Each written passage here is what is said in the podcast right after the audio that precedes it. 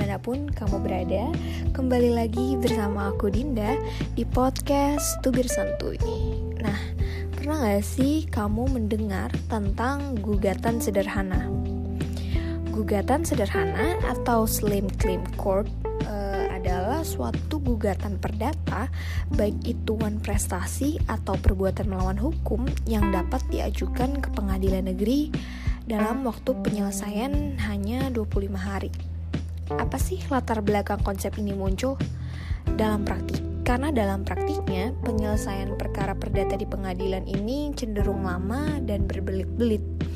Akhirnya, Mahkamah Agung menerbitkan Peraturan Mahkamah Agung atau Perma nomor 4 tahun 2019 tentang perubahan atas Perma nomor 2 tahun 2015 tentang cara penyelesaian gugatan sederhana.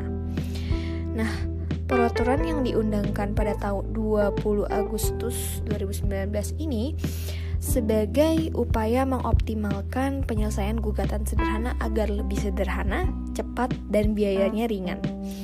Nah, tapi nih, apakah semua perkara perdata dapat diajukan penyelesaiannya melalui gugatan sederhana? Hmm, ternyata ada persyaratan yang perlu kamu ketahui nih sebelum mengajukan gugatan sederhana. Pertama, kamu hanya bisa mengajukan gugatan ini ketika kerugian secara materialnya tidak melebihi 500 juta. Yang kedua, kamu hanya bisa mengajukan gugatan ketika memiliki domisili hukum yang sama dengan tergugat. Namun, apabila domisili tidak sama, maka penggugat dapat mengajukan dengan menunjuk kuasa, baik itu kuasa insidentil atau wakil yang beralamat sama dengan tergugat. Nah, yang ketiga, gugatan perdata yang diajukan tidak berkaitan dengan hak atas sengketa tanah. Yang keempat, baik penggugat dan tergugat wajib hadir dalam persidangan secara langsung dan e, dengan dan atau tanpa dinampingi kuasa hukum. Kelima, e, para pihak dan tergugat tidak boleh lebih dari satu, kecuali memiliki kepentingan hukum yang sama.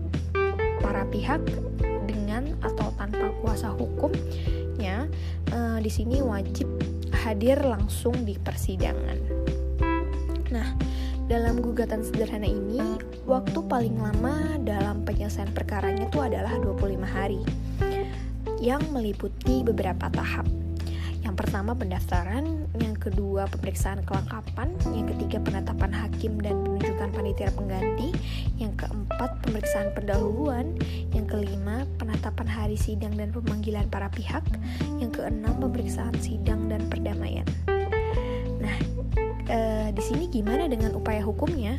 Upaya hukum yang dapat dilakukan hanya dengan upaya keberatan yang diajukan kepada ketua pengadilan negeri disertai dengan alasan-alasan keberatannya.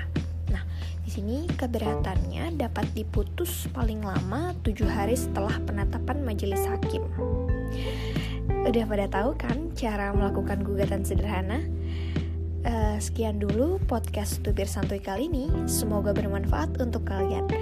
Kalau kamu suka podcast yang kami share, jangan lupa kunjungi website dan fanpage di ngertihukum.id dan jangan lupa kunjungi Twitter, Instagram, LinkedIn, Telegram, TikTok, dan YouTube di Ngerti Hukum ID. Sampai ketemu lagi ya.